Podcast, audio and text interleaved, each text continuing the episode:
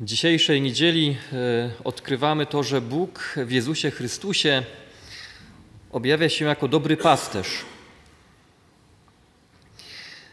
E, Pan Bóg formuje człowieka, przygotowuje go, jest naprawdę bardzo mądrym, wytrawnym nauczycielem, jest dobrym pasterzem, który się troszczy o nas. Tak jak apostołów wybrał na świadków, przygotował, formował, potem przyjął ich y, klęskę, ich zaparcie się, ich ucieczkę spod krzyża, to wciąż y, potem po zmartwychwstaniu im się objawiał, przychodził do nich, dawał im się poznać, aby mogli y, rozważać wciąż, trwać w nim, rozważać Jego, Jego życie, Jego zmartwychwstanie, aby przyjęli to powołanie do bycia świadkami. Święty Łukasz w tym tekście mówi: On nam rozkazał ogłosić ludowi, dać świadectwo. Yy, czy Pan Bóg rozkazał? Myślę, że bardziej apostołowie odczytali, no właśnie, odczytali w sobie to Boże wezwanie jako coś niezwykle naglącego, pilnego. I dlatego święty Łukasz używa słowa: On nam rozkazał. To było tak mocne zaproszenie, że yy, no, poczuli jego wagę poczuli jego wagę.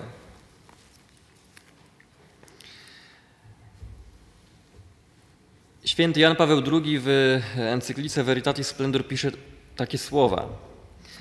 Doskonałość domaga się tej dojrzałości w darze z siebie, do której powołana jest ludzka wolność.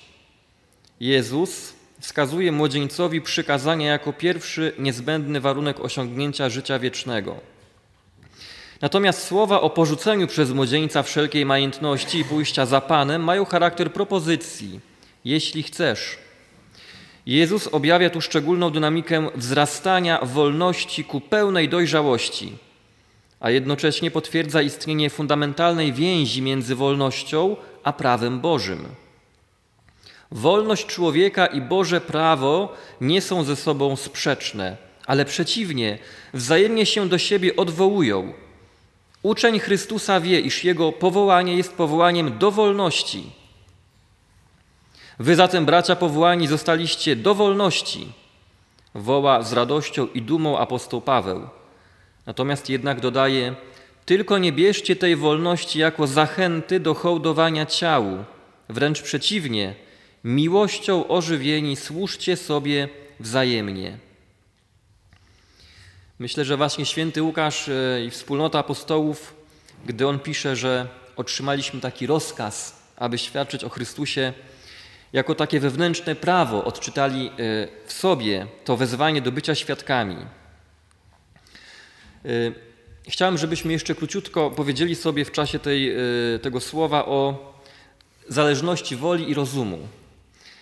To jest bardzo ważne przy naszym dalszym rozważaniu na temat tego, czym będzie, czym jest w istocie wolny wybór i wolność. W życiu dojrzałego człowieka wola nie występuje sama, lecz zawsze działa wraz z rozumem. Wolny wybór jest zawsze dziełem tych dwóch władz jednocześnie woli i rozumu, które nawzajem na siebie wpływają. Trudno powiedzieć, co jest pierwsze bo moglibyśmy się zastanawiać, co jest pierwsze, wolna wola, ona najpierw działa w człowieku i za nią idzie rozum, czy może odwrotnie, czy może to najpierw rozum inicjuje jakiś czyn, coś nam daje poznać i potem do tego dochodzi wola, mówi ok, dobra, no zrobię to. Jeżeli byśmy powiedzieli, że najpierw działa rozum, to y, tak naprawdę tym samym powiemy, że wystarczy wiedzieć, aby potem chcieć coś zrobić. I myślę, że bracia studenci, siostry studentki doskonale wiedzą, że tak nie jest. Myślę, że każdy z nas doskonale wie, że przychodzi czas, kiedy pisze się pracę licencjacką czy, czy inżynierską, trzeba ją pisać, no ale wola jakoś za tą wiedzą za bardzo iść nie chce. Tak więc to nie jest tak, że najpierw jest rozum, a potem za nim posłusznie idzie sobie wola i wypełnia to wszystko, realizuje to wszystko, co rozum odkryje. No nie. Jeżeli przyjmiemy, czy powiemy, że najpierw działa wola, a potem rozum, no to e, tak naprawdę całą moralność, całe działanie człowieka e, jakby zagęścimy do e, chcącej albo niechcącej czegoś woli. Tak nie jest. Czasami mówimy, że władze działają następczo, że jedna po drugiej i najczęściej przyjmujemy, że to rozum wymyśla, działa i potem planuje, a wola wypełnia, realizuje.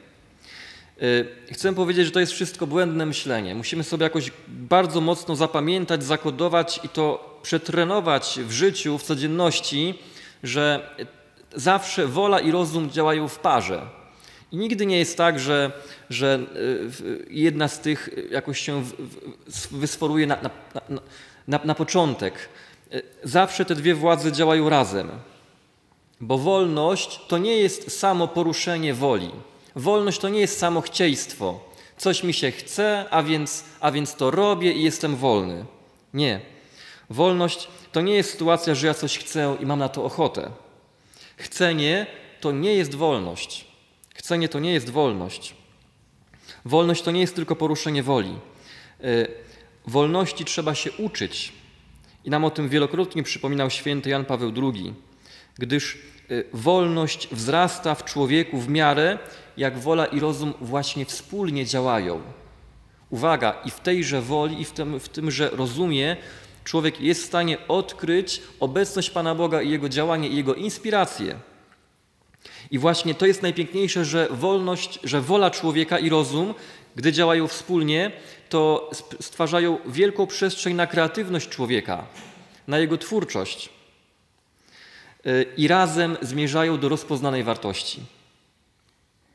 Zadanie rozumu i woli nie polega na wykonywaniu wcześniej podanej w sumieniu jakiejś instrukcji, tylko na tym, żeby właśnie w sposób kreatywny rozważać na, nad tym, co się w życiu dzieje. Szukamy, szukam najlepszego rozwiązania, dopasowuję środki do moich możliwości, do okoliczności itd. Tak w następnej konferencji powiemy sobie dokładnie e, o tym, że wolność się realizuje w tym konkretnym wolnym wyborze.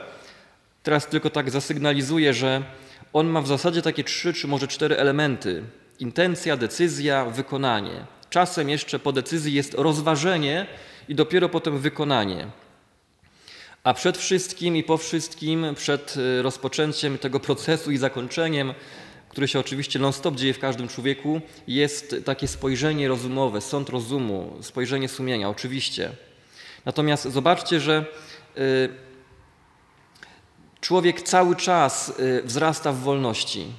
I jeżeli y, mm, nie, nie będziemy, jeżeli będziemy otwarci na działanie łaski Bożej, jeżeli będziemy rozpoznawali w swoich władzach duszy, będziemy się otwierali każdego dnia na obecność Pana Boga, to będziemy naprawdę prowadzeni ku wolności. Będziemy prowadzeni ku wolności. Jeszcze jedna rzecz. Niezwykle ważne jest to, y, żebyśmy głęboko w to uwierzyli i to, na to się otworzyli, że naprawdę Pan Bóg działa w naszych władzach i w naszej woli, w naszym rozumie i nam pokazuje, czego pragnie. Bo dzisiaj. Yy, wolność się próbuje tylko i wyłącznie tak y, zagęścić do tego, no właśnie, to, co jest dla mnie dobre, to, co ja uznam za dobre, to, co ja chcę.